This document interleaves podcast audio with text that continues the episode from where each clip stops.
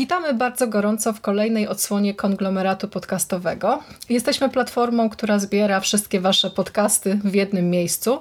Y, możecie też u nas y, przetrzymać wszystkie zrabowane z Peweksu y, rzeczy. Ewentualnie dysponujemy też garażami na polonezy, więc jeśli macie jakieś na zbyciu, chętnie przyjmiemy.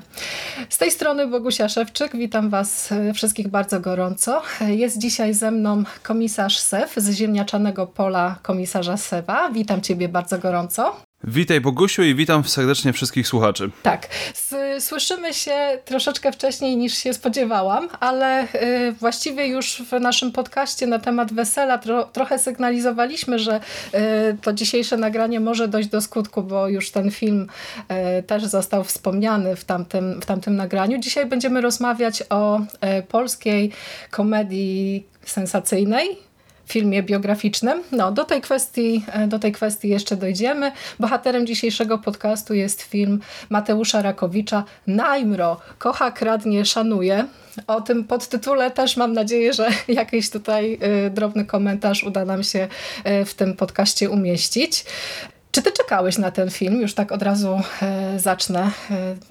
Trochę nietypowo. Wiesz, jasne, jakby absolutnie nie czekałem, bo nie wiedziałem, że powstaje w ogóle taki film. Kwestia jest y, na tej zasadzie, że ja może dwa tygodnie przed premierą e, tego filmu zobaczyłem trailer, oglądając jakiś inny film w kinie mhm. i w sumie popatrzyłem, zobaczyłem Dawid Ogrodnik w jakimś perlowskim otoczeniu ucieka przed policją.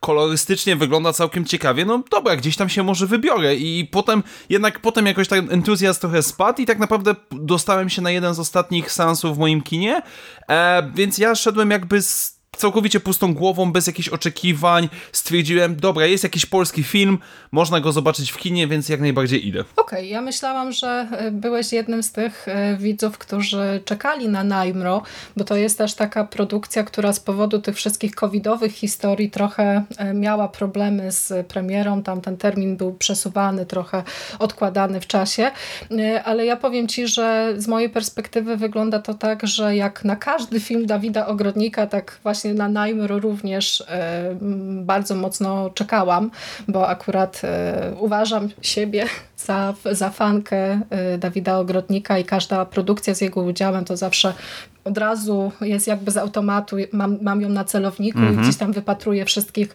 wszystkich nowinek. Ten film był też już na etapie produkcji dość głośno komentowany w, róż, w różnych miejscach, bo już po pierwszych zdjęciach z, pla z, planu, na przykład Karolina Korwin-Piotrowska powiedziała, że to będzie prawdziwa petarda, więc gdzieś tam ten apetyt na dobry film y, rósł. Tym bardziej, że y, gdzieś tam pojawiały się takie informacje, że będzie to biografia, biografia Zdzisława Najmrockiego, y, czyli też takiej postaci, y, którą za chwilę troszeczkę Wam, drodzy słuchacze, przybliżymy. Ale zanim to nastąpi, to chciałabym jeszcze y, porozmawiać na dwa właśnie takie ogólne tematy, które wydały mi się ciekawe, ciekawym wprowadzeniem do tego podcastu. Mm, przede wszystkim chciałabym się dowiedzieć, czy lubisz filmowe biografie? Czy masz jakieś swoje ulubione? Jaki jest Twój stosunek do tego rodzaju filmów? To znaczy, mm, biografie generalnie rzecz ujmując, e, nie tyle stają się popularne ostatnimi czasy, tylko coraz częściej się pojawiają i, zakładam, że tutaj jakby jednym z głównych czynników jest fakt Bohemia Rhapsody, który miał premierę 2-3 lata temu, mm -hmm. który dzięki swojej sławie, zasłużonej, niezasłużonej to już zupełnie inna sprawa, ale Oscarowej Rami Malek, który zdobywał Oscara, znaczy, inaczej, ja nie jestem do końca przekonany, ale nie jestem skrajnie po drugiej stronie, może w skrócie tak powiem. Mhm. Ale o co mi chodzi? I to jakby rozpoczęło, e, wydaje mi się, pewnego rodzaju falę na tę biografię, bo, bo w międzyczasie też wyszedł Rocketman, który dla mnie jest na przykład rewelacyjny, e, ale z drugiej strony też to jest bardzo prosty temat, to jest aż się prosi, biorąc pod uwagę, że na pęczki możemy znaleźć różnego rodzaju ciekawe osoby y, w show biznesie światowym, polskim nawet. Jest to y, gatunek, bym powiedział, który też nie wydaje się być jakoś bardzo ciężki, bo mhm. bardzo często sama historia bohatera, bohaterki danego filmu jest już solidną podstawą scenariusza. Trzeba to oczywiście tam jeszcze ubrać w dialogi, sceny i tak dalej, tak dalej, ale wydaje mi się, że to jest troszeczkę uproszczenie. I generalnie rzecz ujmując, dla mnie biografie są... Ja, ja zawsze chętnie będę chodził na biografię, ponieważ jest to troszeczkę streszczenie tego, co, o czym ży, ży, ży, powiedzmy, życia danego bohatera, bohaterki, nie muszę poświęcać kilku godzin na czytanie książki, tylko powiedzmy w te dwie godziny, e, czy trochę krócej, jak w tym przypadku, dostajemy jakieś tam streszczenie, jakieś podsumowanie i ewentualnie potem mogę e, sięgnąć sobie po więcej, więc sam gatunek jest jak najbardziej w porządku.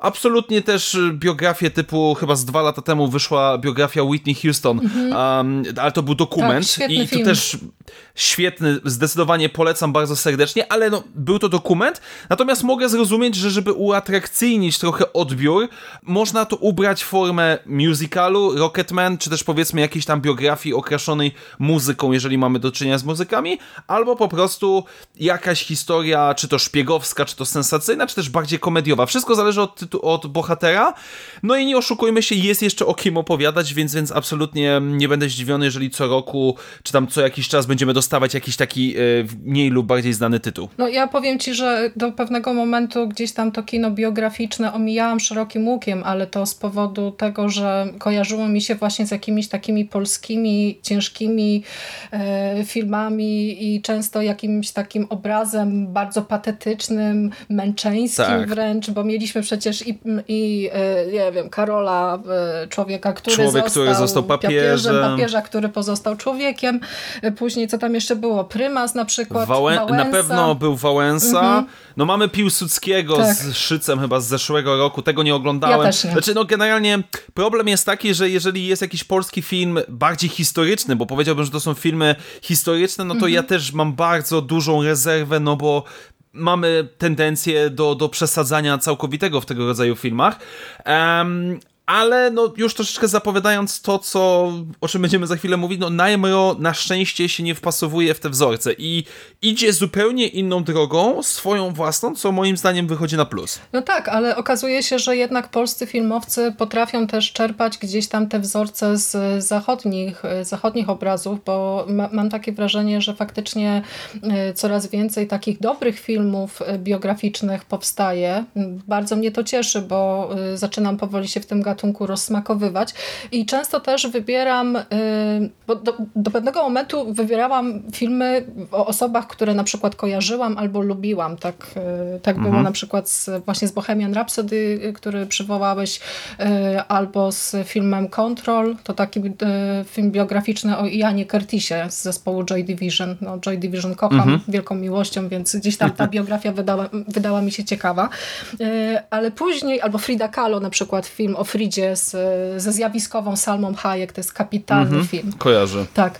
Y, to, to, później okazuje się, że y, biografie, filmy biograficzne mogą być też takim pretekstem do tego, żeby zaprezentować ciekawego człowieka i żeby sprawić, że widz zaczyna, doczy, zaczyna chcieć więcej, doczytuje coś tam, albo za, y, zagłębia się bardziej w historię właśnie tych konkretnych bohaterów.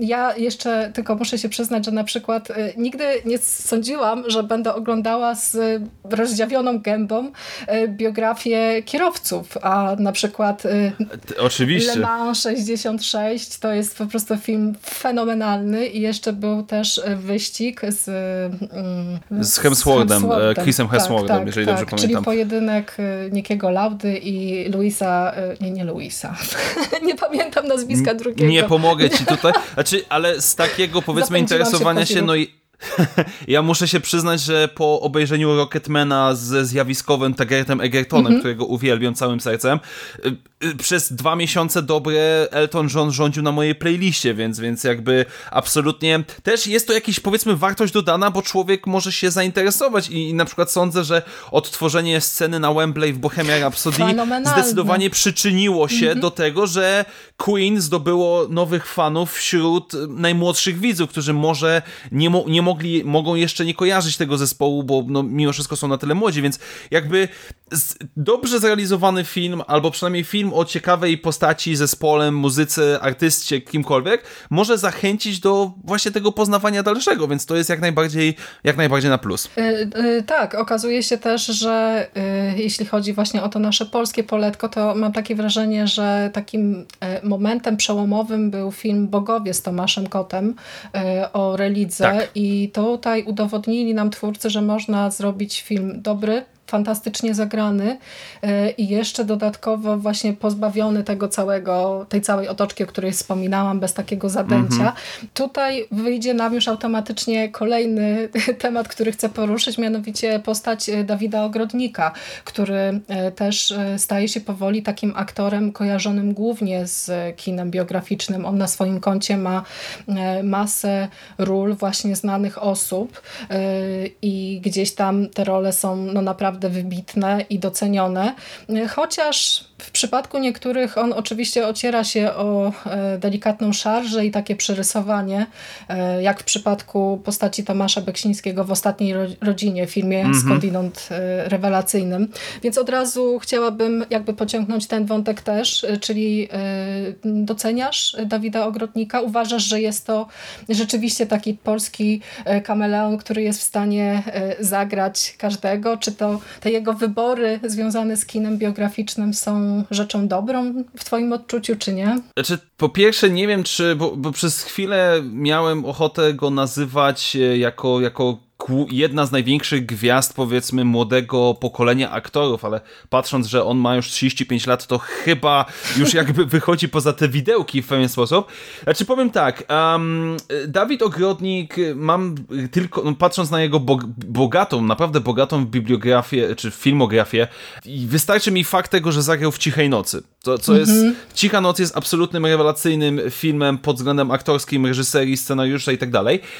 Ja go lubię. Ja go zdecydowanie lubię. Czasami, znaczy tak, jest ta jego różnorodność, bo potrafi odnaleźć się w mocnych dramatach, w czymś bardziej komediowym, w czymś bardziej właśnie powiedzmy biograficznym, co, co udowodnił właśnie w, w Najmro, w Wszystkie nasze strachy, w Magnezji, bardzo dziwnym, ale moim zdaniem bardzo niezłym filmie, czy też Cichej Nocy ale właśnie na przykład a propos ostatniej godziny, której nie widziałem, y, słyszałem, że tak, nie widziałem jeszcze, ale słyszałem od, od znajomego, który gdzieś tam ma kontakt, czy, czy, czy zna środowisko warszawskich twórców, które gdzieś tam z Tomaszem Beksińskim na żywo miało kontakt, no i ta jego rola właśnie w tym filmie była taka, no niezbyt, powiedzmy, przyjemna ze względu właśnie na, na to przeszarżowanie. Szarża. Ja, mhm. zdec tak, ja zdecydowanie go szanuję, bo jest to uzdolniony aktor, który potrafi zagrać w wielu różnych podejściach i moim zdaniem to już jest, on jest spokojnie, ja go uznaję spokojnie w czołówce polskich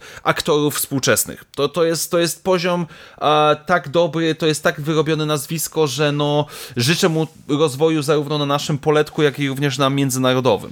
No to ja tutaj muszę też słuchaczom jeszcze jedną rzecz zakulisową zdradzić, bo my początkowo z Sewem umawialiśmy się na omówienie zupełnie innego filmu, również z Dawidem Ogrodnikiem, bo e, wzięliśmy na celownik film Wszystkie nasze strachy, też e, taką niedawną premierę, również kino po części biograficzne, mm, ale koniec końców zdecydowaliśmy się e, jednak na Najmro z powodu pewnej chyba lekkości, jaką ten film się, się mhm. wykazuje. Natomiast jeśli chodzi o Dawida Ogrodnika, no to ja już gdzieś tam w niektórych podcastach wspominałam o tym, że, że jestem jego wielką fanką, w tym nagraniu zresztą też y, już, już to nadmieniłam. Y, po, po pierwsze, bo pochodzi z Wągrowca, czyli z mojej, z mojej rodzinnej miejscowości, a po drugie uważam, y, że jest to rzeczywiście aktor bardzo wszechstronny i, i bardzo wybitny, szczególnie jeśli chodzi właśnie o kreowanie autentycznych postaci w tych rolach oddających y, pra prawdziwych, y, prawdziwych ludzi, no to on sprawdza się naprawdę znakomicie i też wykonuje ogromną pracę, jeśli chodzi o to, w jaki sposób dana osoba się porusza, jak mówi i tak dalej, i tak dalej. Żeby tutaj, przepraszam, że się tylko przerwę, ale no, bo tak przeglądam teraz jego filmografię, no i zapomnieliśmy wspomnieć o chyba pierwszy, znaczy może jednym z pierwszych takich filmów, gdzie on zabłysnął, czyli Chce się żyć, mhm.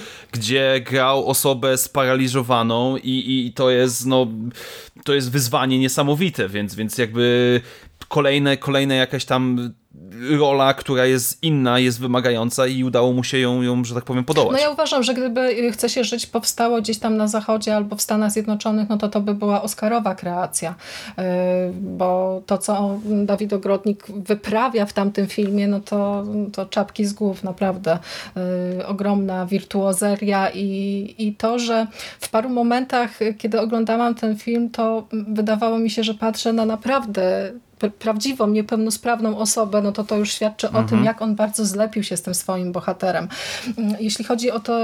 Mm, o te wybory castingowe, to jeszcze warto też powiedzieć, że w najbliższym czasie mm, będziemy mieć film o Broad Peak, w którym Dawid Ogrodnik wcieli się y, w Bieleckiego. Też jestem bardzo ciekawa y, tego filmu. Natomiast w przyszłym roku y, pojawi się biografia księdza Kaczkowskiego i tutaj, jeśli chodzi o charakteryzację, no to to jest level master.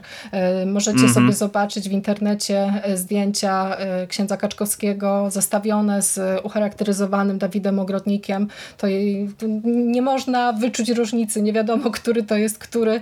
E, on e, po prostu no tak się przeobraził, że też, też już sobie ostrze zęby na ten film. Jestem bardzo ciekawa, co z tego wyjdzie.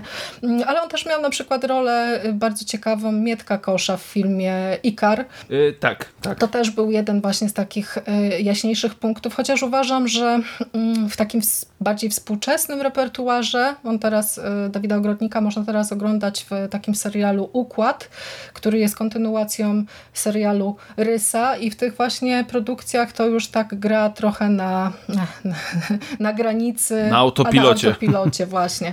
I y, też w Rojście się pojawił w dwóch sezonach. W pierwszym, o ile jeszcze ten, ten jego wątek był do, dobrze udokumentowany i uzasadniony, no to w drugim już się tak po prostu y, snuje na planie y, i właściwie nie wiadomo po co tam jest. Więc gdzieś tam można by już domniemywać, że y, trochę może popada w jakąś tam manierę, ale jestem pewna, że Dawid Ogrodnik jeszcze nam e, nie jeden raz udowodni, że jest dobrym aktorem i że e, stać go na bardzo, bardzo dużo, co trochę pokazuje właśnie w przypadku tego filmu e, roli Zdzisława Najmrockiego, która jest rolą taką, tak, ta, taką na luzie i taką radosną, że aż, e, a, aż byłam, byłam bardzo zaskoczona, że Dawid Ogrodnik e, może rzeczywiście tak dobrze odnajdywać się w tym, e, w tym komediowym takim repertuarzu, repertuarze.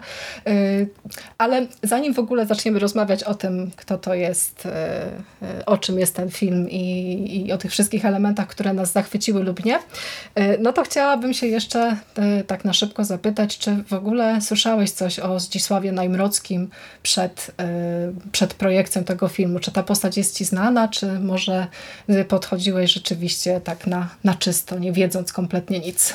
Absolutnie nic. Jakby przyznam całkowicie szczerze, że w ogóle nazwisko, czy, czy też pseudonim dopiero poznałem w trakcie filmu e, i dopiero po filmie gdzieś tam zacząłem wyszukiwać jakieś informacje, komentarze do samego filmu i tak dalej. No i tam oczywiście y, zaczęły się pojawiać komentarze, o których gdzieś tam będzie za chwilę będziemy mówić mhm. względem y, kult, jakby powiedzmy, kim tak naprawdę był y, Najmro, że, że, że to, co jest w filmie, a to, co było w rzeczywistości, są dwie inne rzeczy. E, ale nie, ja po prostu przychodziłem, no tak jak mówiłem wcześniej, z całkowicie czystą kartą, na zasadzie jest jakiś film, który jest o złodziejach w PRL-u, no dobra, no to zobaczmy. Więc ja tutaj nie miałem żadnych znajomości, żadnej wiedzy, backgroundu, że tak powiem, związanego z, z, z tym bohaterem. Tak, Zdzisław Najmrocki jest, y, był właściwie bohaterem czasów PRL-u.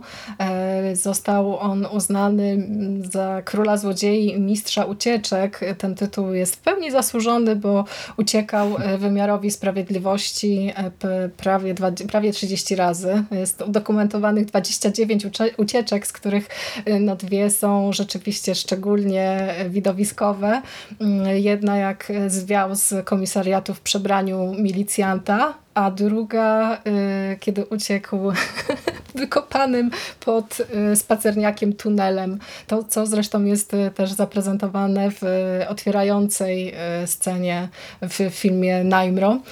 Ta sylwetka Najmrockiego, tak jak wspomniałam, jest owiana pewnego rodzaju kultem i kojarzy się rzeczywiście z takim oporem wobec tego systemu totalitarnego, bo przecież milicja była przecież narzędziem tutaj gnębienia, a Najmro, Najmrocki uciekający jej wielokrotnie, no to taki prawdziwy buntownik, jednocześnie też określany często mianem Janosika, bo przecież rabował, rabował peweksy i te towary luksusowe, do których większość ludzi nie miała dostępu, sprzedawał potem po zaniżonych cenach. To jest rzeczywiście bardzo barwna postać. Bardzo często pojawiał się także w programach kryminalnych 997. To taki, taki program, który też kojarzy się z moim, z moim dzieciństwem, gdzieś tam przez dziurkę od klucza. Mój tata był wielkim fanem, a ja tam zaglądałam od czasu do czasu.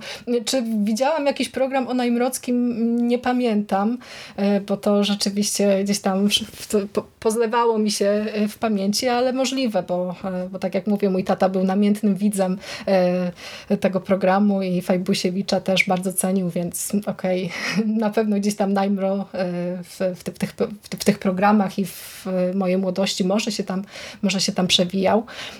On jest też mm, takim łotrzykiem trochę y, i taką, y, przynajmniej wyrasta w, w tym scenariuszu na takiego łotrzyka. W rzeczywistości y, no już tak kolorowo nie było, bo no, trzeba podkreślić od razu na samym początku, że był to po prostu no, przestępca, prawdziwy, prawdziwy bandyta, który gdzieś tam faktycznie grał na nosie wymiarowi sprawiedliwości. Zginął śmiercią tragiczną, bo jechał samochodem z dwójką nastolatków i y, spowodował wypadek po prostu, mm, w którym właśnie zginął zarówno on, jak i, jak i jego pasażerowie. Ale historia Najmrockiego to też y, kilka bardzo zabawnych, y, bardzo zabawnych punktów właśnie to, że ten jego pociąg do, do luksusu mm, gdzieś tam sprawił, że wziął na celownik właśnie i peweksy i polonezy. E, pisał wiersze, będąc w więzieniu. strasznie ckliwe i strasznie tandetne z tego, co, e, z tego, co udało mi się znaleźć w internecie, chociaż żadnego nie przeczytałam. E, został ułaskawiony przez Lecha Wałęsę. Został zwolniony z więzienia, w którym miał siedzieć 20 lat właśnie za te wszystkie zbrodnie. Mm, także jest to, jest to postać rzeczywiście no, ciekawa i barwna. E, co też interesujące, e, może się wydawać, że Najmrocki jeszcze się nie doczekał swojej takiej e, biografii, ale muszę powiedzieć o pewnym spektaklu, który był i właściwie jest cały czas wystawiany na deskach y, teatru w Gliwicach. Jest to spektakl zatytułowany Naimro, czyli dawno temu w Gliwicach, który miał premierę 30 listopada 2018 e, roku. Reżyserem jest y, y, Michał Siegoczyński, chyba źle powiedziałam nazwisko. to po, poprawię się najwyżej w komentarzu.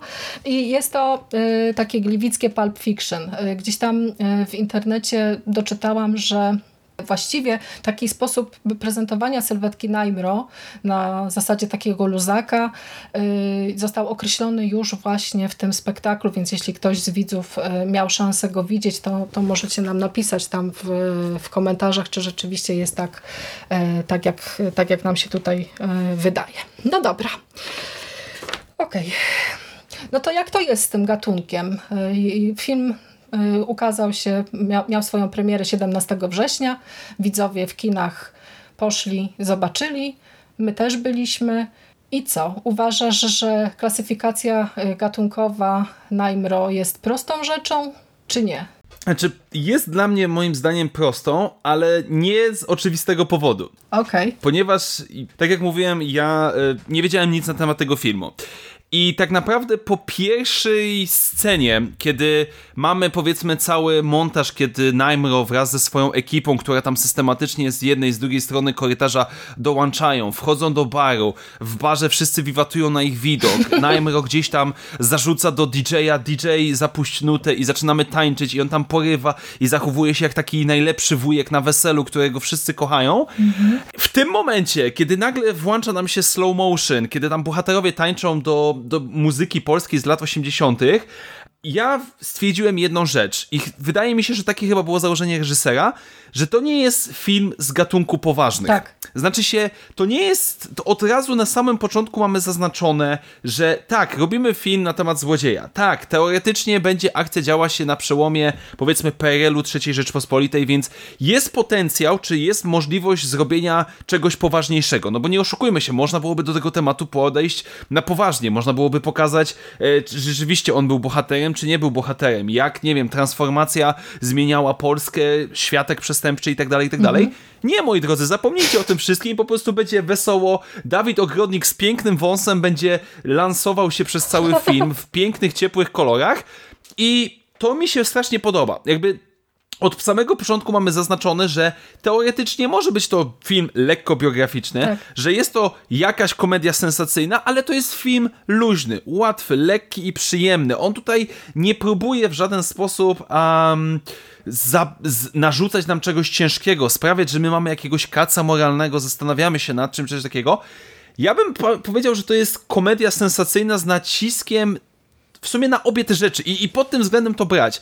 I może później będziemy jeszcze o tym mówić, ale trochę mi to przypomina zarówno stylem, jak i tematyką takiego polskiego Gaja Ricciego. Mhm. Może nie aż tak bardzo montażowo, no bo Guy Ritchie ma bardzo specyficzny styl, ale to jest po prostu lekki, przyjemny film, który, co jest najważniejsze dla mnie, bawi. Najzwyczajniej w świecie bawi. Tak, reżyserem, jak już wspomnieliśmy, jest Mateusz Rakowicz. Za scenariusz odpowiada właśnie Mateusz Rakowicz we współpracy z Łukaszem M. Maciejewskim.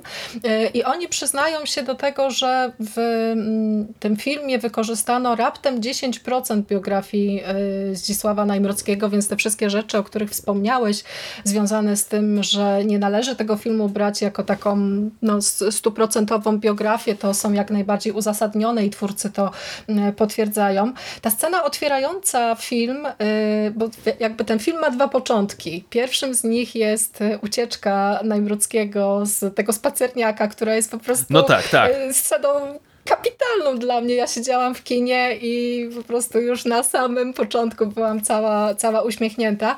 A potem jest e, właśnie ten taki trochę teledyskowy montaż e, z tańczącym e, Naimro i właśnie te spowolnienie i te brokaty, błyski i co tylko, kojarzące się trochę może z kinem w stylu Bollywood, no to gdzieś tam dla pewnych widzów może to być rzeczywiście taki element, który sprawi, że tak, można, można zwątpić, czy rzeczywiście warto się w ten film zagłębiać, y, ale on y, uważam, że wygrywa charyzmą, y, charyzmą głównego bohatera.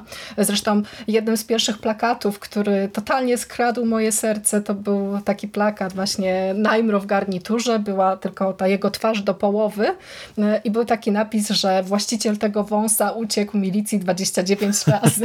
Kapitalny, kapitalny jest ten znaczy, plakat. Znaczy, nie, nie, ja, ja jako osoba, która niestety nie ma możliwości zapuścić sobie wąsa przez cały seans zazdrościłem. Po prostu, gdybym mógł, to ten wąs nie jedną dyskoteką by trząsł. No po prostu, to jest rewelacyjne, bo jakby i tak jak mówiliśmy o Dawidzie jako, jako świetnym aktorze, on tutaj też nie jako jedyny, bo to o innych aktorach będziemy wspominać, tak. ale to, jak on charyzmatycznie ciągnie, jak on ma tego takiego cwaniaczka, takiego faceta, którego ciężko jest nie lubić. No po prostu jest tak przerysowany, ale dobrze przerysowany. On nie przesadza, nie przeszarżuje. Też cał, przez pół filmu, kiedy on albo jest tym takim amantem, który podrywa tą, tą swoją y, przyszłą dziewczynę Tereskę, albo jak nawet jest z tymi milicjantami, że panowie, spokojnie, my się dogadamy. To jest absolutnie rewelacyjne, to jest balansowane przez innych aktorów i ta chemia między nimi rewelacyjnie gra, ale tak, no po prostu dla mnie ciężko tego bohatera nie lubić i naprawdę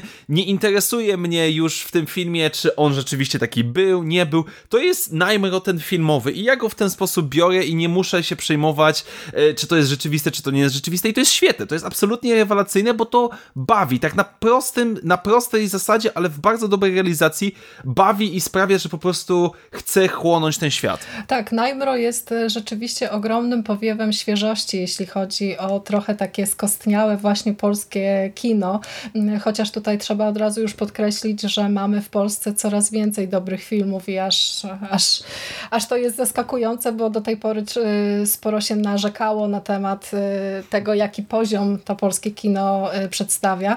Natomiast tutaj mamy w przypadku tego filmu akurat wybuchową mieszankę przeróżnych elementów i szalenie podoba mi się to, że nawet jakieś takie rzeczy zaskakujące w tym filmie grają ze sobą po prostu idealnie. No bo zobacz, e, mamy w Najmro sporo jakichś takich właśnie ckliwych tekstów, bo jest taki, taki dialog, taka fraza, która pojawia się przez cały film, że to nie jest czas na rozmowę, teraz czas, żeby się pocałować. No to to brzmi tak strasznie, tak, wiesz, tak. tandetnie i tak ckliwie i tak w ogóle le. jakbyś to usłyszał w jakiejś komedii romantycznej, to po prostu zaliczyłbyś face No tak, oczywiście. że o nie, o już dosyć takich tutaj mydłowatych tekstów.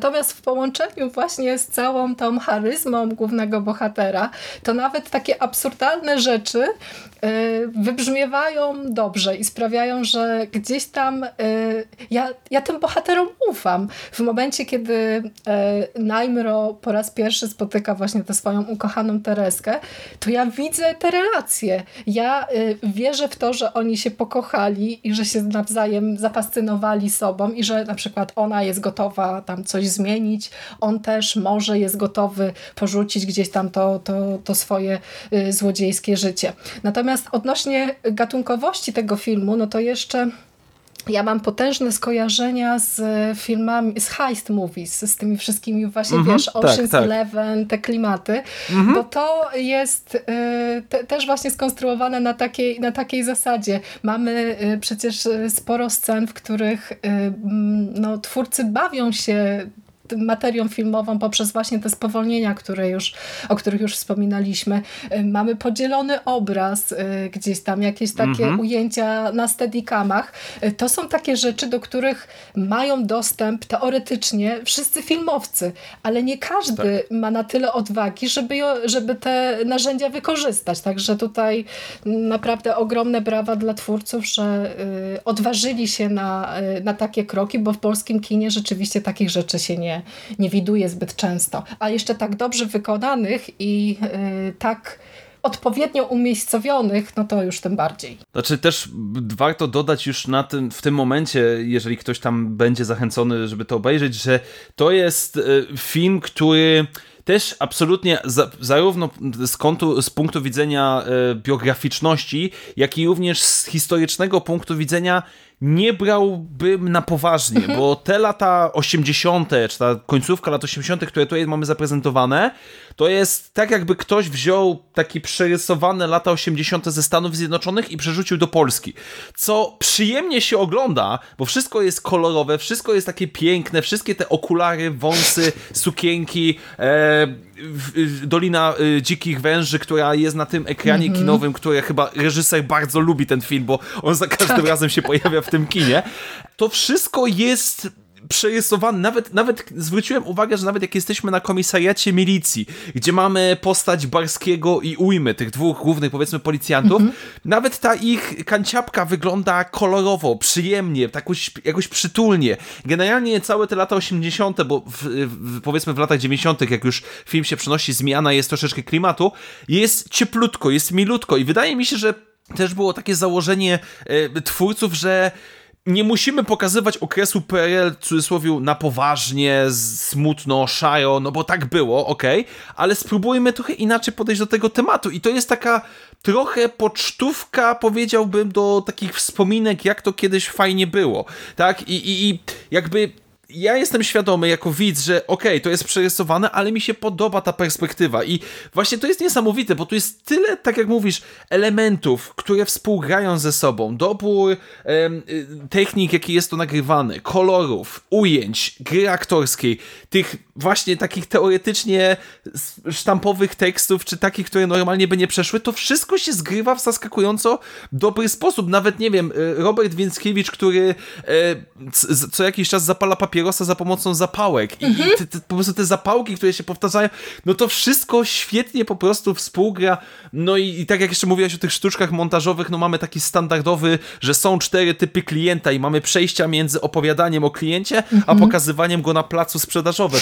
Świetne, nic, no, nic oryginalnego, tak, no bo to już nie raz, nie dwa było robione, ale sposób wykonania jest tak rewelacyjny, że będę powtarzał jak mantrę, to po prostu bawi. To najzwyczajniej w świecie daje radochę, banana na ustach i po prostu chce się to oglądać.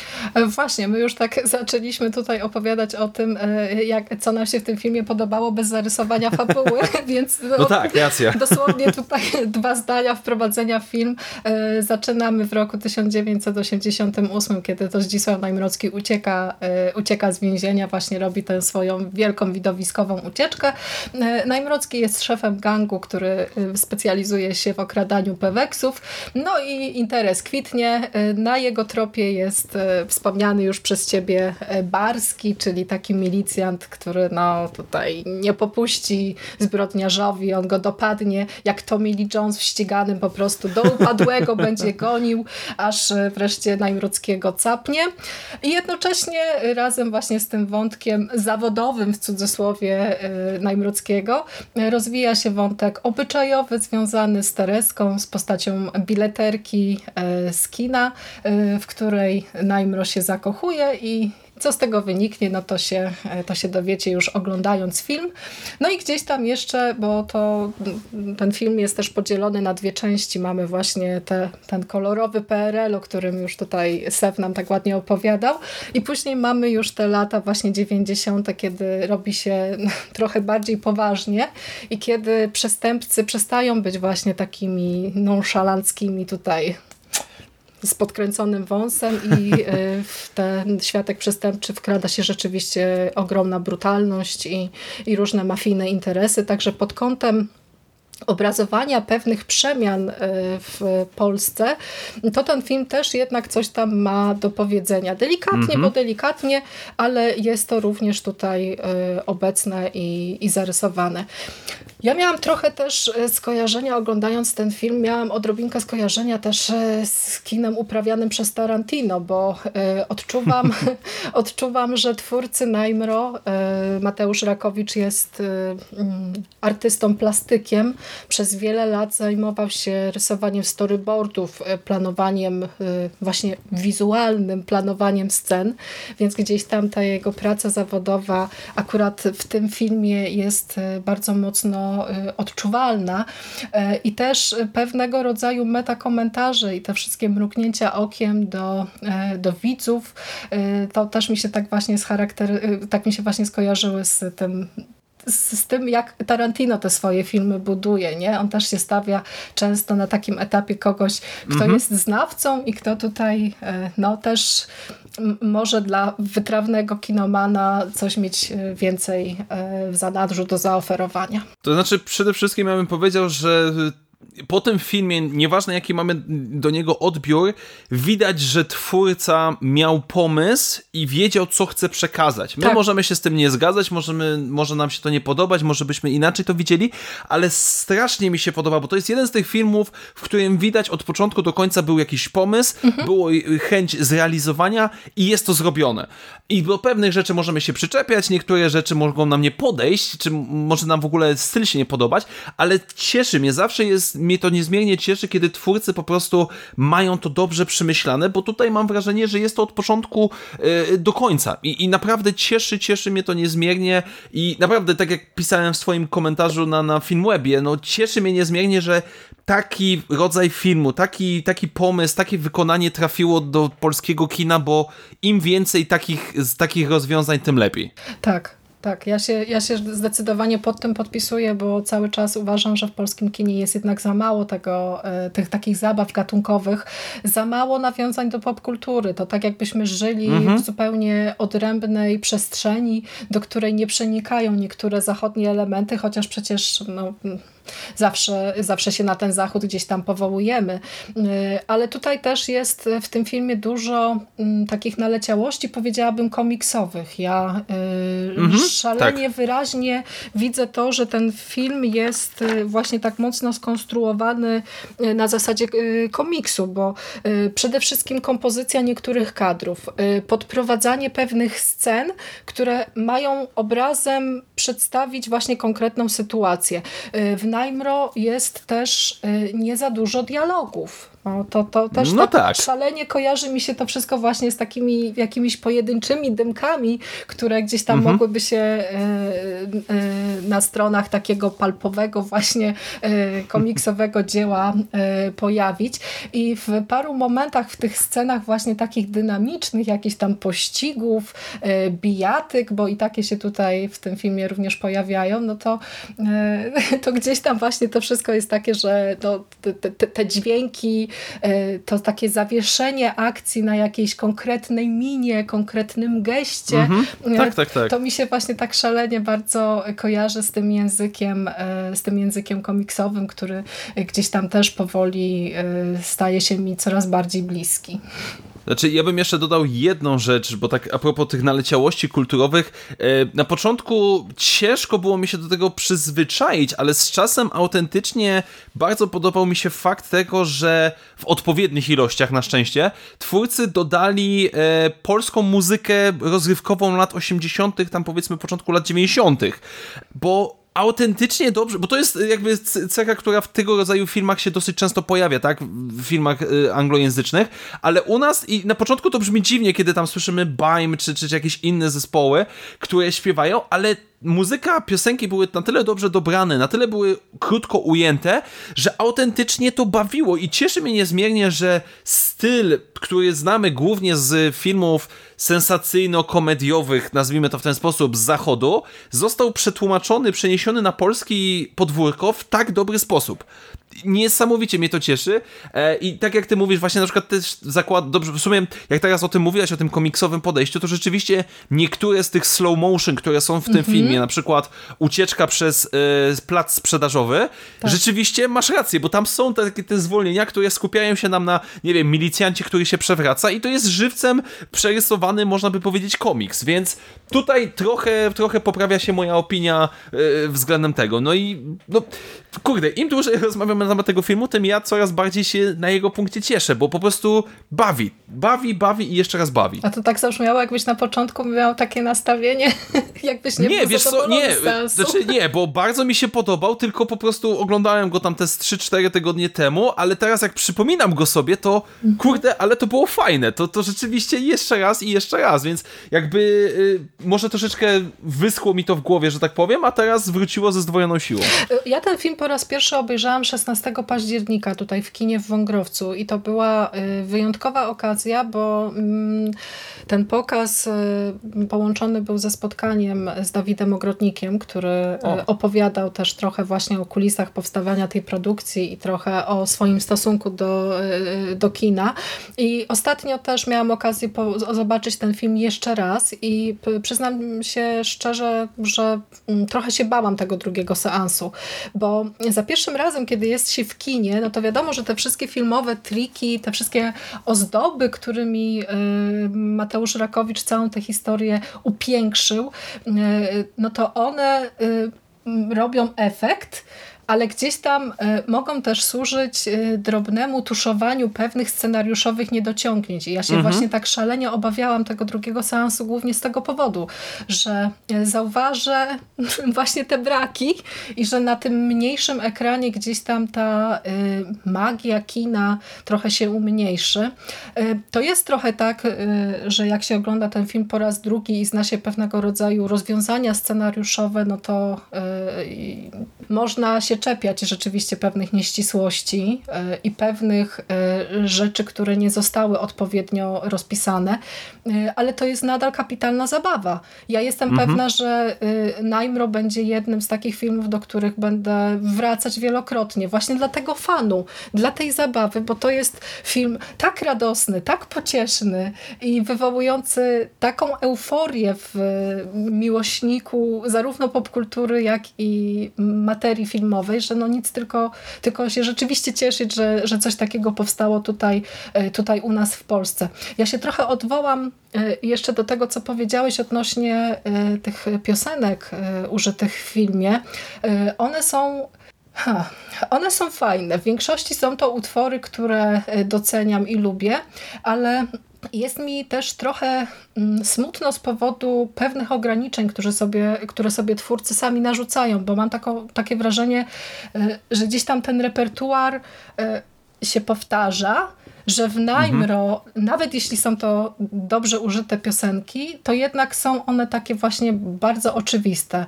E, mamy Manam, mamy Annę Jantar e, na wejściu. E, tak trochę mam wątpliwości odnośnie tej piosenki Czesława Niemena, ale to już tam... No tak.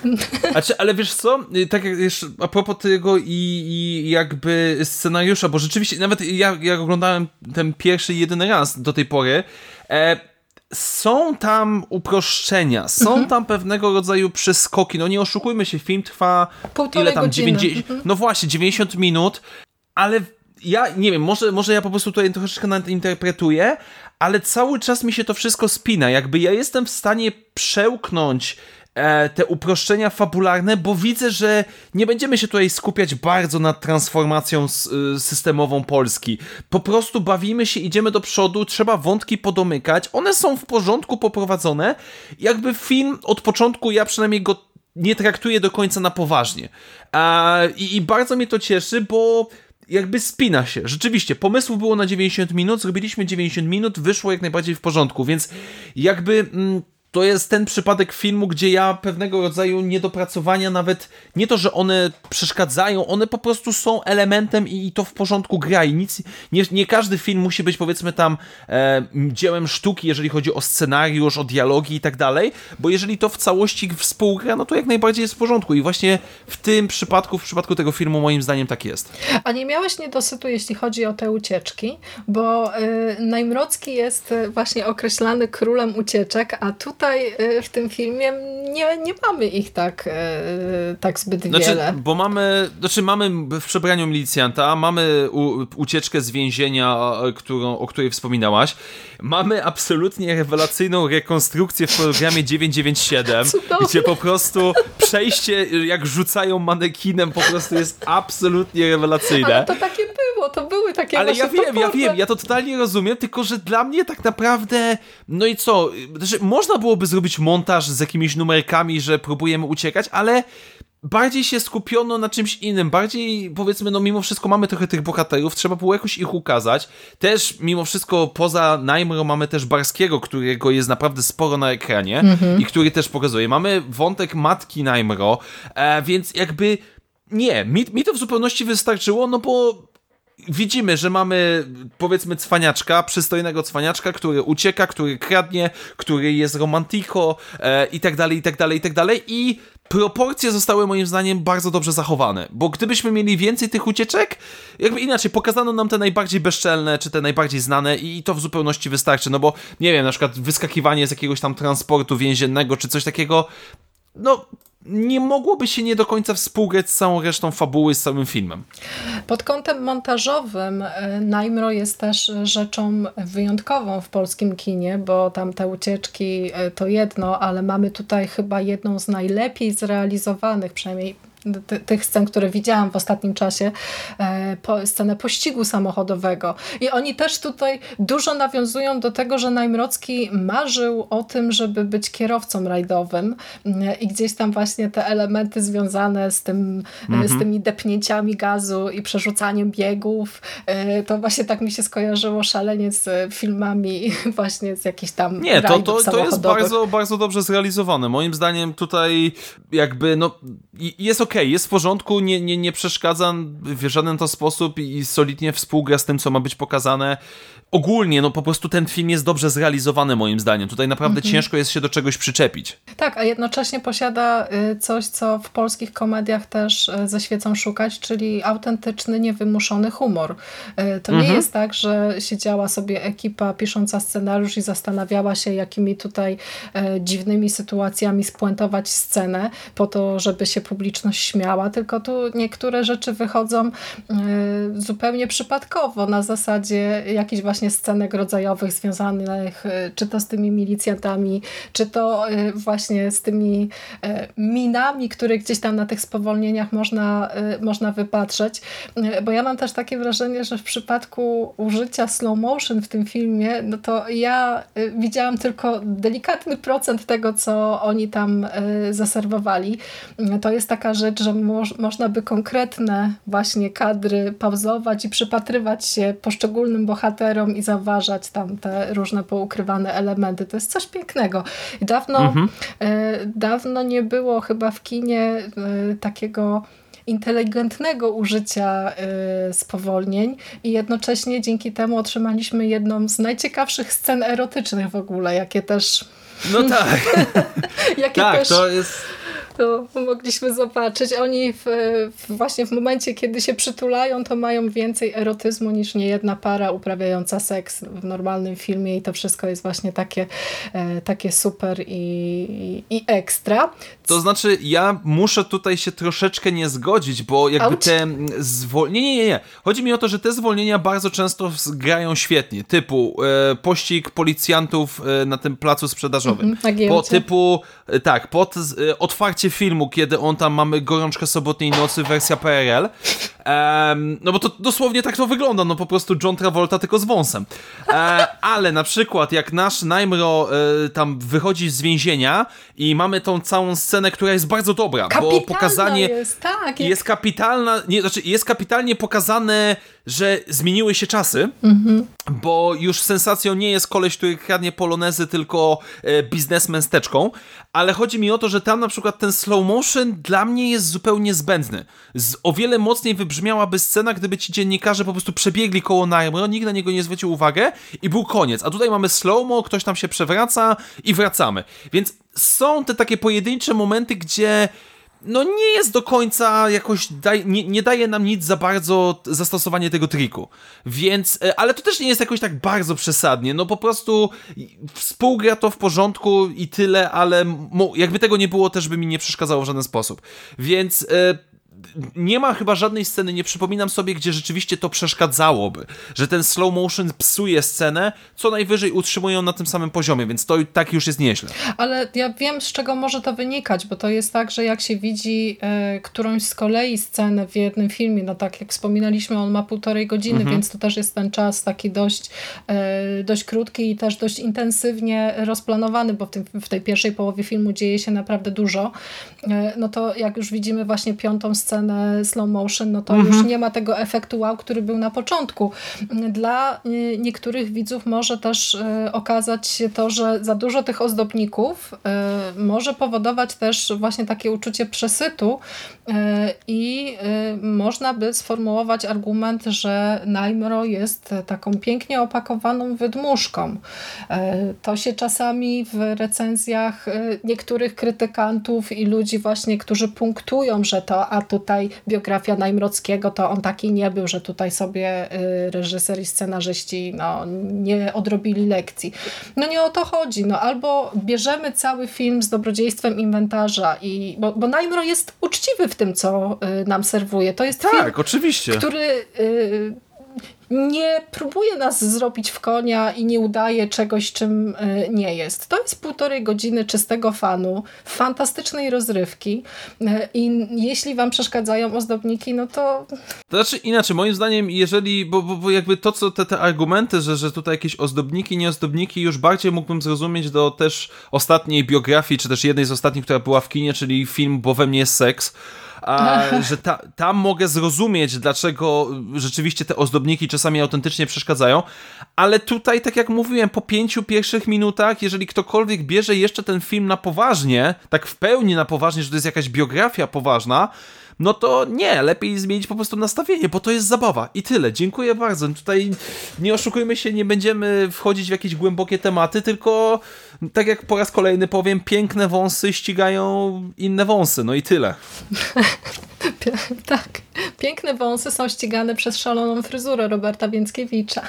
No tak, no, no to, nie wiem, czy już możemy przejść, bo możemy, absolutnie, bo, bo, dobrze, bo my się tak zachwycamy Dawidem Ogrodnikiem i, i Najmro, ale dla mnie Barski i, i Robert Więckiewicz w tej roli to jest absolutnie coś rewelacyjnego, bo z jednej strony mamy takiego polskiego Dirty Harego, który po prostu w tej swojej skórzanej kurtce z tą fryzurą no w każdym momencie po prostu byłem zachwycony i, i autentycznie gra tego twardego glinę, który i też co jest niezwykle ciekawe, bardzo mi się podoba, bo scenariuszowo twórcom udało się przemycić bardzo dużo rzeczy w ramach tej postaci, bo po pierwsze to jest policjant, ym, że tak powiem z peryferii, tak, on tam jest jakieś wioski czy coś takiego, który jest bardzo dobrym policjantem, ale przez to, że jest z prowincji i trafił do Warszawy, no może coś tam nie do końca wzgra. Mamy po drugiej stronie tego jego partnera Ujmę. Potem cały wątek Barskiego w latach 90., co się dzieje, to jest chyba jed, taki jeden z dwóch najpoważniejszych podejść w tym filmie do jakiegoś podejścia, do zrozumienia i też relacje między Najmor a Barskim, czyli ścigany, trochę mi to przypominało, co mi zrobisz, jak mnie złapiesz. Tak. Ale potem w drugiej części, jak się kończy ten wątek, jest to proste, jest to w niewielu słowach powiedziane, ale ja to autentycznie kupuję. Więckiewicz dla mnie robi tutaj równie dobrą robotę jak Ogrodnik. To jest rewelacyjna postać, rewelacyjnie zagrana, że no po prostu no, budzi jakąś tą sympatię. To jest naprawdę tak niesamowicie zrobiona rola, że, że panie Więckiewicz, rewelacyjna robota. No, dostajemy takie właśnie jakieś pojedynki, trochę nawet westernowe, bo ta scena na giełdzie samochodowej rozpoczyna tak, się tak. tym, że stoją naprzeciwko siebie tutaj i już i chyba, jeżeli dobrze pamiętam, kamera też jest chyba jakoś tak z perspektywy ręki, jakby każdy z nich miał rewolwer, więc, mm -hmm. więc ale na przykład, nie wiem, spotkanie ich w hotelu, gdzie po prostu Więckiewicz prawym sierpowym nokautuje Berek. ogrodnika, no po prostu i to jest wszystko tak dobrze zrobione, to, to, no, no cudo, po prostu cudo, uwielbiam. Tak, Więckiewicz y, jest takim aktorem, który też y, przez jakiś czas y, grywał na autopilocie i to można było odczuć, że to Robert Więckiewicz w każdym kolejnym filmie gra Roberta Więckiewicza. E, tutaj e, nawet właśnie z takim swoim jakimś, e, jakimś grymasem i taką może i dziwną manierą trochę buduje fantastyczną postać, która też, te, te ich relacje, ta chemia Barskiego i Najmro jest rzeczą naprawdę absolutnie fantastyczną, bo ja mam takie wrażenie, że oni bez siebie by nie istnieli.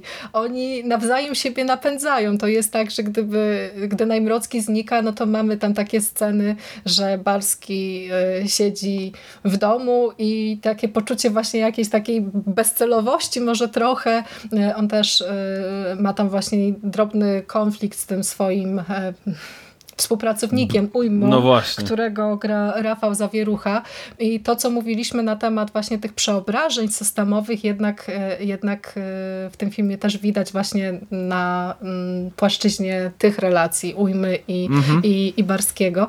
Mm, ale tu też e, jeszcze mamy kilka ciekawych ról kobiecych, bo mamy Dorotę Kolak, która po raz kolejny gra mamę Dawida Ogrodnika już w dwóch innych filmach właśnie właśnie w e, Chce się żyć i w Ciemno prawie noc grała właśnie mamę, e, filmową mamę Dawida Ogrodnika. I mamy także y, Maszę Mągrodzką, która jest właśnie tą naszą Tereską, tą tą cudowną, niewinną dziewczyną, która sprawi, że Najmro y, się zakocha i postanowi trochę coś tam w tym, w tym swoim życiu zmienić. To znaczy, ja tutaj muszę wtrącić jedną rzecz, bo nie wiem jak, znów, nie przejmuję się tym, ale też nie wiem jak w rzeczywistości, y, jaką osobą była Tereska. Bardzo mi się podoba to, że to nie była jakby dama w opresji, że to była po prostu taka spoko, wygadana baba, która tego Najmro jakby no potrafiła trochę stępić, że, że to nie była jakaś dziewczyna, która tam rozpuszczała się na widok jego okularów, wąsa i skórzanej kurtki, tylko właśnie y, jakby była ta relacja taka, taka, kto się czubi, ten się lubi i to jest strasznie, strasznie mi się to podoba, też nawet jak ona go tam w pewnym momencie w cudzysłowie opiernicza z góry na dół, że albo skończysz z gangsterką, czy tam powiedzmy z kradzieżą, albo koniec z nami, tak? Weź, to, to było takie trochę stare małżeństwo, które się kłóci. I, i mhm. bardzo mi się to podoba. Strasznie, znaczy tutaj tak naprawdę aktorsko wszyscy dawali radę. Relacje, chemie między bohaterami są absolutnie rewelacyjne. Strasznie mi się to podoba. E, I tak, role kobiece, matka, która wita syna po raz pierwszy w filmie, jak widzimy, w bardzo przyjemny sposób, ale też która widać mimo że nie ma dużo relacji między matką a synem, widać skąd syn wziął pewnego rodzaju wzorce, podejście do jakiejś wolności, systemu itd., tak itd. Tak I to też jest świetnie zrobione, że nie, nie słyszymy o tym w dialogach, ale czujemy i widzimy to z ekranu. Więc y, tutaj obie panie zdecydowanie, zdecydowanie na plus. Tak, właśnie tutaj też można od razu podnieść argument, że postać matki y, Najmrockiego jest trochę inaczej przedstawiona niż w rzeczywistości, bo y, w realnym życiu Najmrockiego to jego mama odpowiadała za ten właśnie słynny podkop, który umożliwił mu ucieczkę, ucieczkę z, tego, z tego spacerniaka. Dorota Kolak jest niesamowitą aktorką. To jest tak. taka postać, która mm, zawsze wprowadza właśnie właśnie jakiś taki e, wysmakowany, wysublimowany trochę element, a jednocześnie posiada w sobie pewien rodzaj e, no, ciepła, takiej naturalności, mm, y, która wielokrotnie mnie zaskakiwała i też sprawdza się znakomicie właśnie i w tym repertuarze komediowym i w jakichś takich ciężkich, y, cię, cięższych y, trochę klimatach. To jest też aktorka naprawdę bardzo wszechstronna. Warto tutaj też wspomnieć jeszcze postać jednej dziewczyny z Ferajny, no bo tak jak wspominaliśmy, Naimro ma swój gang i w tym gangu jest również dziewczyna dziewczyna młoda, w którą wciela się Sandra Drzymalska. Y, I coraz mhm. bardziej zaczynam lubić tę aktorkę. To jest też taka e, młoda bardzo dziewczyna, którą możecie kojarzyć na przykład z tego filmu, który też pojawił się w tym roku, Ostatni Commerce. E, ona też miała drobną rolę w Belfrze. E, bardzo fajna, charakterystyczna uroda. Mm, I też zdecydowanie chciałabym ją zobaczyć w jakimś takim jeszcze większym filmie, w którym na przykład ktoś obsadziłby ją w tej, e, w tej roli y, powiedzmy pierwszoplanowej. Mm, a wracając do Maszy Wągrodzkiej, no to Lady Gaga. Naprawdę, ta uroda po prostu totalnie. Oj tak. Ja wiem, tak. że wszyscy w każdej recenzji piszą o tym i mówią, że y, właśnie Masza wygląda jak Lady Gaga, ale to jest naprawdę, no to, to, to totalnie jest, jest na przykład naprawdę dziewczyna wyjątkowa i, i takie skojarzenia właśnie z Gagą są no, no, no jak najbardziej. Ja bym tylko z, pozwolił sobie zaznaczyć, żeby e, nie, mm, jakby to powiedzieć, nie patrzeć tylko i wyłącznie na urodę, bo mhm. e, jakby jej rola e, w tym filmie to jest e, też bardzo dobry popis aktorski, więc, więc jakby tutaj, żeby e, nie, nie mówię tego, ale, ale swoją drogą, jak teraz przeglądam jej filmografię, jest ona relatywnie niewielka, Niewiele. bo pie mhm ale pierwsze, co mi wyskoczyło, to, że jest bardzo aktorką dubbingową. Mhm. Naprawdę w dużej ilości, okej, okay, to, to autentycznie je, je, zaintrygowało mnie. E, ale mam nadzieję, że też ją zobaczymy więcej na ekranie, bo, bo robota była jak najbardziej w porządku. Z tą Sandrą Drzymalską jest troszeczkę ten problem, że ta mała to chyba była taka najmniej rozwinięta postać. I jest, mhm. ona po prostu jest troszeczkę takim asystentem, żuje gumę, e, prowadzi taksówkę, ale, znaczy współgra z tym wszystkim, ale ma najmniej chyba czasu antenowego. Dużo mniej czasu antenowego ma Olga Bołądź, która pojawia się na napisach jako gościnny no, występ. To jest dopiero... Yy, ale tak. zaśpiewała, co, zaś, co miała zaśpiewać, to zaśpiewała, więc, więc jak najbardziej bardziej, bardziej w porządku. Okej, okay, no to jako spuentowanie tego całego bloku związanego z e, pochwałami e, pod kątem aktorów, no to zostawiliśmy sobie też jednego z e, szajki Najmro, czyli Antosa. E, Antosa, którego gra e, Jakub Gierszał. Jakub Gierszał, którego, e, którym zachwyciłam się bardzo, bardzo mocno po sali samobójców. On tam rzeczywiście zaprezentował totalnie ciekawą rolę, mm, taką właśnie też przerażającą, bo to jest mhm. w ogóle bardzo no, ciężki i mocny film. Potem przez te swoje dobory castingowe, filmowe trochę gdzieś gdzieś tam rozminął się z tym, czego oczekiwałam od takiego aktora, jakim jest właśnie Jakub Gierszał, ale wrócił w wielkim stylu filmem Pomiędzy Słowami Urszuli Antoniak, w którym był absolutnie zjawiskowy. To takie kino wysokoartystyczne. No właśnie, na tyle wysokoartystyczne, że może albo ja go nie zrozumiałem, bo mhm. teraz co patrzę, to 3 na 10 dałem na Filmwebie. Widziałeś? Tak. E, widziałem, o. widziałem. poszedłem do kina i stwierdziłem, że czemu by nie.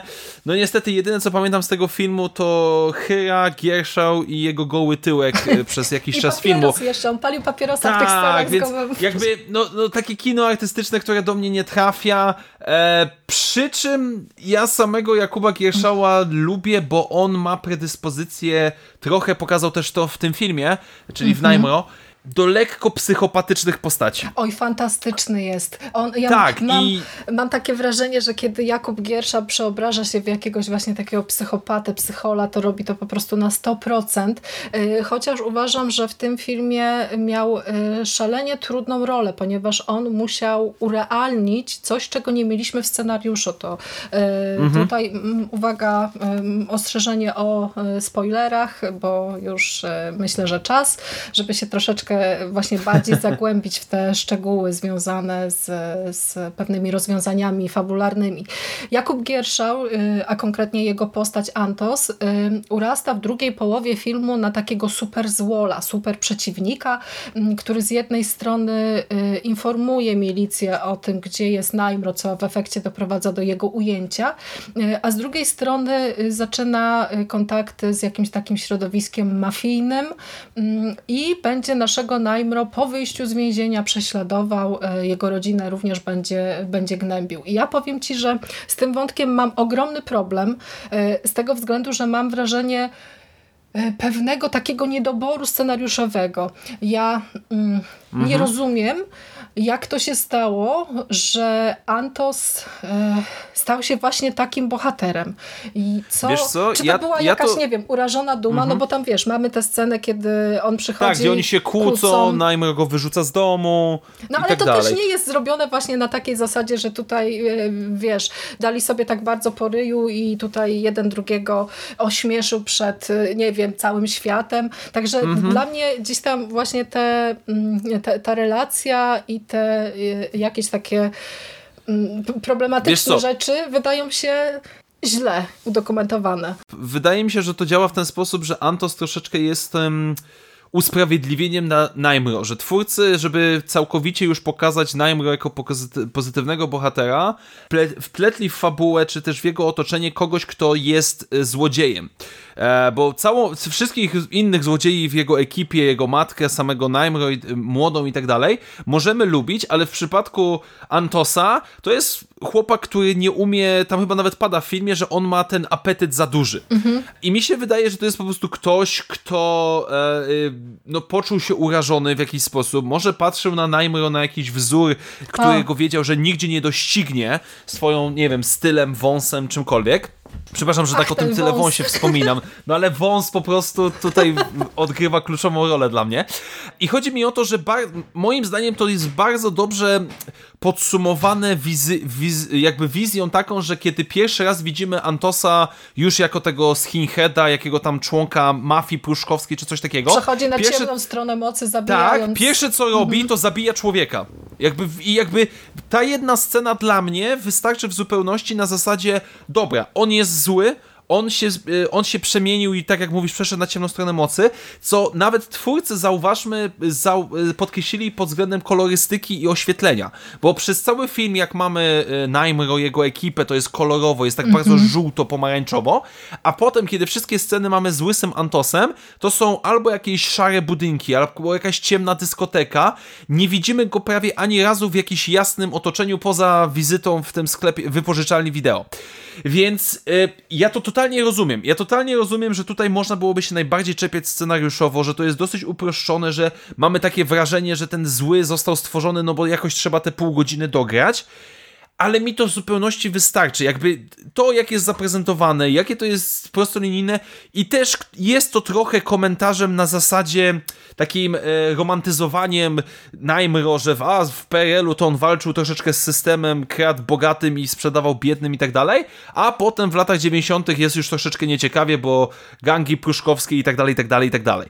I jest to proste, jest to trochę uproszczone, ale moim zdaniem wpisuje się mimo wszystko jakoś w cały klimat tego filmu i, i mimo, że można brać to jako wadę, to dla mnie zgrywa się całkiem, całkiem, całkiem w porządku. No, jeśli chodzi o takie zarzuty, które też y, można by podnieść w stosunku do tego filmu, no to ja tutaj taką jedną malutką szpileczkę jednak wbiję w stosunku do prezentowania tych psychologicznych y, tutaj elementów niektórych postaci, bo y, ja mam wrażenie, że jest to robione rzeczywiście na bardzo takich prostych nutach, na ogranych motywach, na określeniu jakichś konkretnych cech w stosunku do każdego z tych bohaterów, mhm. więc jeśli jeśli oczekujecie od y, mm, filmu mm, Najmro czegoś pokroju na przykład Gorączki, która zaprezentuje wam relację no tak. Y, ścigany, y, ścigający, rozłożoną po prostu psychologicznie na mm, wiecie, miliony poziomów, no to w tym filmie tego nie dostaniecie. To może być zarzut, ale jeśli popatrzymy na to po raz kolejny przez pryzmat tego, co Sev wielokrotnie już podkreślał, czyli takiego kina kina e, typowo rozrywkowego, no to z drugiej strony, czy wszystko musi być aż takie konkretne, łopatologiczne y, w momencie, kiedy mm, dobra zabawa jest właśnie tym najważniejszym elementem. Chyba nie trzeba y, niektórych rzeczy tutaj aż tak mocno pogłębiać i, i wymuszać, bo sądzę, że to też wpłynęłoby mm, do pewnego stopnia na dramaturgię tego filmu, chociaż i tak w tej drugiej części, w tym finałowym akcie y, scenariusz i sam film zresztą troszeczkę tej zadyszki łapie, jednak to tempo się zmienia, i, mhm. i po mhm. tych szalonych, kolorowych pościgach, które dostajemy na początku, to potem trochę zwalniamy. E, to wszystko ma nas doprowadzić do finału, mm, który wygląda następująco, że e, Najmro, ścigany przez Antosa, ulega wypadkowi samochodowemu e, i pozoruje własną śmierć przy pomocy y, właśnie odciętej ręki. Od, odciętej ręki i wspomnianego już y, przez nas Barskiego, który też gdzieś tam do pewnego stopnia staje się takim e, wspólnikiem zbrodni, e, też może trochę właśnie w kontrze do tego e, całego systemu, który się, który się zmienił i, mhm. i gdzieś tam mo, może jakieś, jakieś właśnie ukryte, ukryte animozje też do, do, do głosu dochodzą, jakaś tam urażona duma no i teraz powiedz mi jeszcze e, właśnie w stosunku do finału, przekonuje cię to? Czy jesteś usatysfakcjonowany takim spuentowaniem historii, czy jednak... Yy... Jestem. Je, znaczy, bo jakby no trochę będę się powtarzał, bo to jest proste. Jakby ten film, sposób realizacji tego podsumowania, tak jak te na, w pewien sposób dwa Y, relikty poprzedniej ery, czyli właśnie z jednej strony Najmro, z drugiej strony Barski, odchodzą na pewnego rodzaju emeryturę i w, w, przy wódeczce, przy śpiewie, przy tańcu na stole i jest w porządku, tak? Najmro znajduje szczęście z tą swoją Tereską, teraz mogą sobie spokojnie żyć i tak dalej, i tak dalej. I mnie to zadowala, bo wpisuje się w to całą specyfikę filmu. Jakby nie próbuje nam wsadzić jakiegoś moralizatorstwa, nie próbuje nam pokazywać, że transformacja, zmiana z PRL-u na trzecią RP miała jakieś tam problemy i tak dalej, i tak dalej.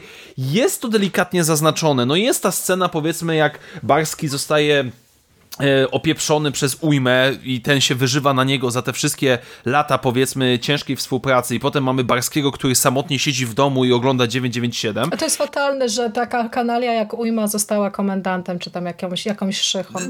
Koszmar. Po, znaczy, ale jest to komentarz I, i, mhm. tylko, że właśnie mi się to podoba, że za pomocą takich prostych scen gdzieś to zaznaczamy, ale nie jest to jakby aż tak bardzo nachalne, więc e, a poza tym Ujma nie był, nie był mędą, był, był cudownym takim slap, mm -hmm. był fajtułapą, który pięknie wzgrywał się z Barskim, który chodził po kawusie i tak dalej, i tak dalej.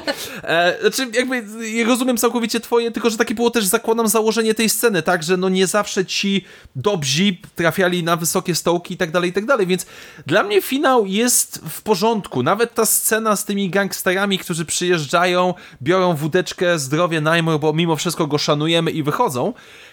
No w jakiś sposób to się wszystko zgrywa i to jest, to nie jest ambitne, to nie jest odkrywcze w żaden sposób, ale jest bardzo dobrze zrealizowane. I mi się to strasznie, strasznie podoba i tak jak mówię, nie wiem, może będzie jakaś okazja, nie wiem, czy ten film już będzie gdzieś na Netflixie, autentycznie mam ochotę z teściami czy z rodzicami ten film obejrzeć, bo bo to jest film, który teraz, drodzy słuchacze, jeżeli ktoś jeszcze nie oglądał, naprawdę warto obejrzeć, bo jest po prostu dobry. Po prostu serce rośnie, że w naszym kraju powstał tak dobry, przemyślany film. Więc przepraszam, że tak z zakończenia przeszłem do jakiegoś podsumowania, ale, ale po prostu no, nie mogę się przestać zachwycać. Śmiało, śmiało. Y, y, chociaż y, ja też zauważam pewien problem związany z właśnie pewnego rodzaju teledyskowością tego filmu i właściwie to, co przed chwilą powiedziałeś, że chciałbyś zobaczyć go z rodzicami albo z teściami, jest z mojej perspektywy takim dość ciekawym aspektem, bo my jesteśmy młodymi ludźmi, E, I generalnie e, jakieś takie właśnie zabawy e, formalne, zabawy materią filmową są dla nas rzeczami oczywistymi. Mm, I zastanawiam się, jak Najmro zostałby odebrany właśnie przez no, no moich rodziców, czy oni też dobrze by, by się bawili na tym filmie, czy stwierdziliby po prostu, że o, tutaj panie skaczą i jakieś takie właśnie -hmm. się wszystko dłuży, ciągnie i w rzeczywistości w PRL-u to tak nie było. Bo y, ten film Y, cierpi też, y, mm, no nie wiem czy cierpi to jest właściwe określenie, ale zaraz się spróbuję z niego wytłumaczyć. Y, cierpi też na taki właśnie, mm, na takie troszeczkę żerowanie na nostalgii i na mhm, takim tak, tak, tak, tak, tak, tak. podkoloryzowaniu trochę właśnie tych, tych czasów, które przecież aż takie właśnie kolorowe i radosne nie były. Wynika to zapewne z faktu, że Mateusz Rakowicz jest młodym twórcą i mamy teraz jakąś taką tendencję właśnie do E, do takiego nostalgicznego obrazowania niektórych rzeczy, chociaż w stosunku do Najmro pojawia się też kilka e, kontrowersji mm, i właśnie jedną z nich chciałabym mm, już zmierzać ku, ku, ku, podsumowaniu i ku zakończeniu tej naszej, e, naszej rozmowy. Chciałabym się ciebie zapytać o taką rzecz, bo zobacz, My uwielbiamy y, takiego rodzaju filmy, w których mamy y, tego złego bohatera, takiego antybohatera właściwie, y, który jest y, przestępcą, ale właśnie takim zawadiackim, uwodzicielskim i gdzieś ten nasz, ta nasza czujność w tym momencie zostaje wyłączona, bo y, wpadamy w tę historię i zaczynamy mhm. mu, mu kibicować. No ale z, jakby tak na to popatrzeć y, z trochę innej perspektywy, no to to jest jednak przestępca. To jest jednak facet, który wiesz, e, jeździł po pijanemu, który włamywał się, który e, wszczynał jakieś burdy, mordobicia i tak dalej. Mm, no to mhm. gdzie w tym wszystkim właściwy kompromis? Czy nie uważasz, że e, Najmro jest też takim filmem, który niesłusznie buduje legendę przestępcy? Bo też takie zarzuty często w różnych recenzjach Jasne. się pojawiają jako właśnie e, taki film, który e, prezentuje młodym ludziom, że o, jak będziecie takimi bandytami, no to właściwie życie będzie się toczyć e, fajnie, będziecie mieli dużo, dużo kasy, dużo kobiet, dużo przygód. No to jak to jest? Znaczy, nie, powiem tak, gdyby, gdyby to był film zrobiony rzeczywiście jako biografia, gdyby to było w pewien sposób na poważnie i mielibyśmy założenie, że pokazujemy tak jak jest, jak było i pokazujemy e, przekolorowanie, że przesadzamy z tym jego, to to mogłoby rzeczywiście budzić kontrowersje, ale autentycznie nie do końca w stanie jestem zrozumieć nawet jak ten film mógł wzbudzić kontrowersje, mhm. skoro nie jestem w stanie brać go na poważnie. Jakby ja rozumiem, że no, sam jestem rocznik 92, więc absolutnie w tamtych latach nie żyłem 80., ale to wszystko jest tak przekolorowane, to wszystko jest tak pastelowe, to jest wszystko tak zmontowane, podłożone z muzyką, grą aktorską, że no nie widzę tego na poważnie. Jakby absolutnie scena, gdzie powiedzmy Najmro powoli przegląda sobie cygara, a dookoła niego jego kumpel w przyspieszonym tempie okrada Pewex, no nie jest czymś, co mogę wziąć na poważnie. To to, to jest troszeczkę tak, jakby powiedzmy, e, tak jak już wspominano już wcześniej, e, film e, Co mi zrobisz, jak mnie złapać, złapiesz, e, brać na tej samej zasadzie, że no mhm. kibicujemy złodziejowi. No nie moja wina, że często biografie złodziejów, e, czy jakichś ludzi, którzy powiedzmy Ocean's Eleven, tak. są intrygujące, są wciągające, bo opierają się na bezczelności, no bo nie oszukujemy się, Najmro jest bezczelny, tak? No 20 mhm. parę razy uciekł.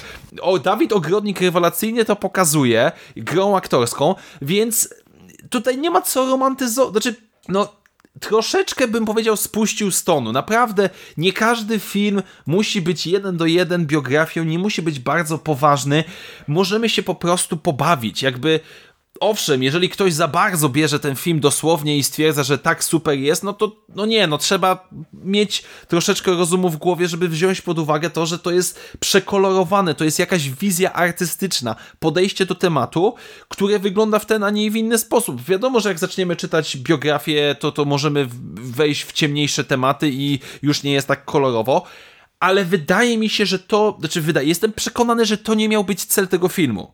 I może dobór głównego bohatera jest nie do końca strafiony w 100%, ale dla mnie jest to po prostu rewelacyjna rozgrywka, której nie będę brał na poważnie. Absolutnie mhm. nie biorę tego nawet jako biografię. To, to, to po prostu jest inspirowane historią człowieka i tyle. I dzięki temu dostaliśmy rewelacyjnie, świetnie bawiący nas film. No właśnie, ja trochę celowo wyszłam y, w tej naszej dyskusji od y, rozmowy na temat y, kina mhm. biograficznego, mhm. bo no, tutaj to trzeba podkreślić po raz kolejny bardzo mocno, że Najmro nie jest filmem biograficznym. Jestem tak, tak. przerażona y, właśnie takim tonem znowu dyskusji w różnych miejscach, gdzie znalazło się 50 specjalistów od biografii Zdzisława Najmrockiego, którzy prezentują, jakie to tutaj błędy popełnili e, twórcy przy obrazowaniu e, tego, tego właśnie bohatera. E, mamy tendencję do przesady, mamy tendencję do dorabiania ideologii, do przeróżnych właśnie rzeczy, które mm, powinny być y, no po prostu po prostu zabawą. I ja mm, z perspektywy siebie powiem, że ja bardzo często e, doceniam właśnie takie filmy, które wyłączają mi tę czujność, które sprawiają, że zaczynam e, kibicować właśnie tym złym, bo wydaje mi się to z perspektywy ludzkiej psychiki szalenie ciekawe, że mm, kiedy poczuje się sympatię po prostu do człowieka, to nagle gdzieś tam zapominam o tym, że jest to, że jest to zła osoba. I w przypadku y, mhm. Najmrockiego też tak było. Y, w przypadku tej stuprocentowej, wysokooktanowej rozrywki, jakim był ten film, to jestem w stanie zrozumieć y, i nie będę zarzucała twórcom tego, że tutaj ponaginali fakty, pozmieniali rzeczywistość, bo ja się po prostu na tym filmie autentycznie dobrze bawiłam.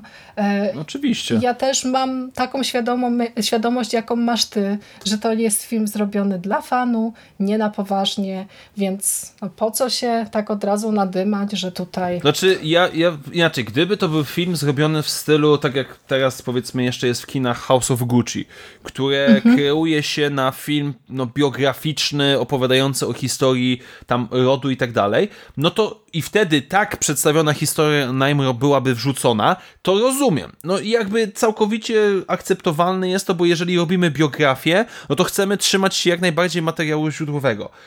Ale tak jak mówię, no, no jeżeli w ciągu pierwszych pięciu minut główną rzeczą, którą ja jest, zakochuję się w filmie, to jest wąs Dawida Ogrodnika i, i po prostu sam, sam pierwszy montaż, kiedy oni wychodzą z tych drzwi po boku i jest ekipa, która wbija na parkiet, no nie ma bata, żeby to brać na poważnie, tak w stu procentach. A potem wchodzi nam jeszcze przecież e, Robert Więckiewicz z cudowną fryzurą, z cudowną kurtką i po prostu to przerysowanie, nasycenie kolorami. Nie, naprawdę, jakby nie, nie do końca rozumiem aż takie zachwycanie się, bo trzymając się takich standardów, to tak naprawdę nie można byłoby zrobić, no, no mówię, Ocean's Eleven i pozostałe mhm. części trzeba byłoby wyrzucić do kosza, no bo co on, no bo okradają kasyna, tak, i nie, nie wiem, nie płacą podatków i tak dalej, no, no bez przesady, na, naprawdę, jakby i rozumiem, że może być tak, że film promuje coś złego, owszem, zdarzają się takie rzeczy, ale tutaj, no, to jest przecież piękny film, do, żeby obejrzeć sobie, nie wiem, po ciężkim tygodniu w piątkowy wieczór i się po prostu dobrze bawić. Więc absolutnie nie zgadzam się i nie uważam, żeby to było jakieś propagowanie złych wartości, coś takiego. Wręcz przeciwnie, uważam, że ten film powinien być jak najbardziej rozpopularyzowany, bo tak jak mówiliśmy wcześniej, jest to świetny kawał realizacji filmowej. Po prostu mm -hmm. jest dobrze przemyślany pomysł na film, postacie, montaż, scenariusz, znaczy może nie scenariusz, ale jakby przemyślenie tego wszystkiego. I, I jeżeli będziemy mieli więcej takich filmów w Polsce, to nic, tylko lepiej. Bardziej szkodliwe dla widza może być oglądanie filmu pokroju 365 dni, w którym e, pewne zachowania e, i no, tak. pewne właśnie e, przedmiotowe traktowanie kobiet i to, że kobiety się na przykład z tym godzą, no to to jest dopiero ugruntowywanie pewnego rodzaju złych, złych wzorców. Tylko, że ja jakby w ogóle, jakby chodzi mi o to, że jak te, teraz o tym mówimy i tak mhm. dalej, to dla mnie cały czas jest to absurdalne, Absurd. że w ogóle, tak. nie, że w ogóle rozmawiamy w takich kategoriach o tym filmie. No, no, no, jeżeli ktoś wyrusza, wyrusza z takim argumentem po obejrzeniu tego filmu, no to moim zdaniem, ja rozumiem, że każdy inaczej odbiera kino, ale coś Oglądał nie do końca... Inny film niż my. Nie, nie załapał do końca chyba koncepcji, jaka była za tym filmem. Bo, bo do, do, na kilometr dla mnie to bije e, czymś, co nie chce być poważne, co inspiruje się prawdziwymi wydarzeniami i po prostu bawi, najzwyczajniej w świecie. No właśnie, e, przy takich komentarzach to można, e, może się odechcieć młodym twórcom e, robienia kina gatunkowego, ale mamy nadzieję, że jednak jeszcze sporo takich fajnych, gatunkowych, popkulturowych miksów przed nami. Bardzo bym chciała więcej takich filmów, bo one tak gdzieś tam się gubią, takie perełki właśnie. Mieliśmy Disco Polo, które też jest trochę niedocenionym filmem, a jakby gra na podobnych akordach co, co Najmro. Mhm. Mieliśmy wspomnianą przez ciebie Magnezję, film, który mnie się akurat nie podobał, ale to już jest temat na, na zupełnie inną dyskusję. Myślę, że y, wyczuliście doskonale z tej rozmowy, której wysłuchaliście, że jesteśmy zachwyceni tym filmem i że gorąco go polecamy i że pomimo pewnego rodzaju y, tutaj mm, błędów, które gdzieś tam się twórcom przydarzyły i jakichś takich niedociągnięć, y, to jednak jest to naprawdę fenomenalna rozrywka i tego się trzymajmy. Chcemy, chcemy zdecydowanie więcej takich filmów. Drobne jeszcze tutaj sprostowanie.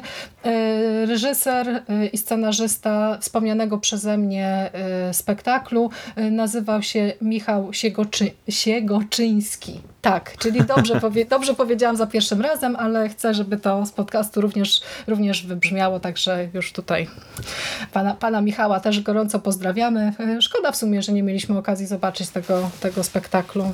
Pewnie... Może, może się kiedyś uda. To fajnie by było. No dobrze, no to ja bardzo Ci e, dziękuję, e, Sef, za kolejną rozmowę, w którą, którą patrzę na licznik, e, prawie udało nam się prześcignąć długość filmu.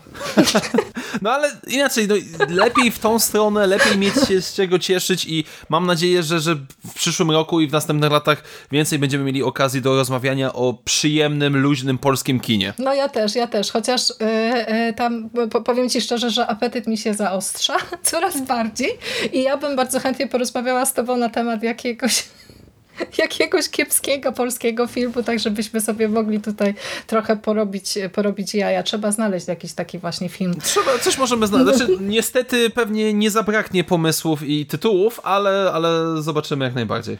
No dobrze, no to tym, tym akcentem e, żegnamy się, żegnamy się z Wami, nasi drodzy słuchacze. E, uciekamy, e, bo już czas.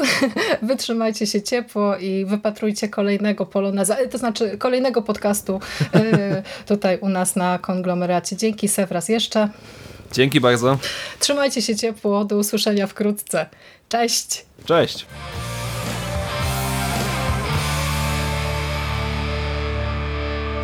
Finished? That's it, man. Game over, man. It's game over. What the fuck are we gonna do now? What are we gonna do? It's over. Nothing is over! Nothing! You just don't turn it off!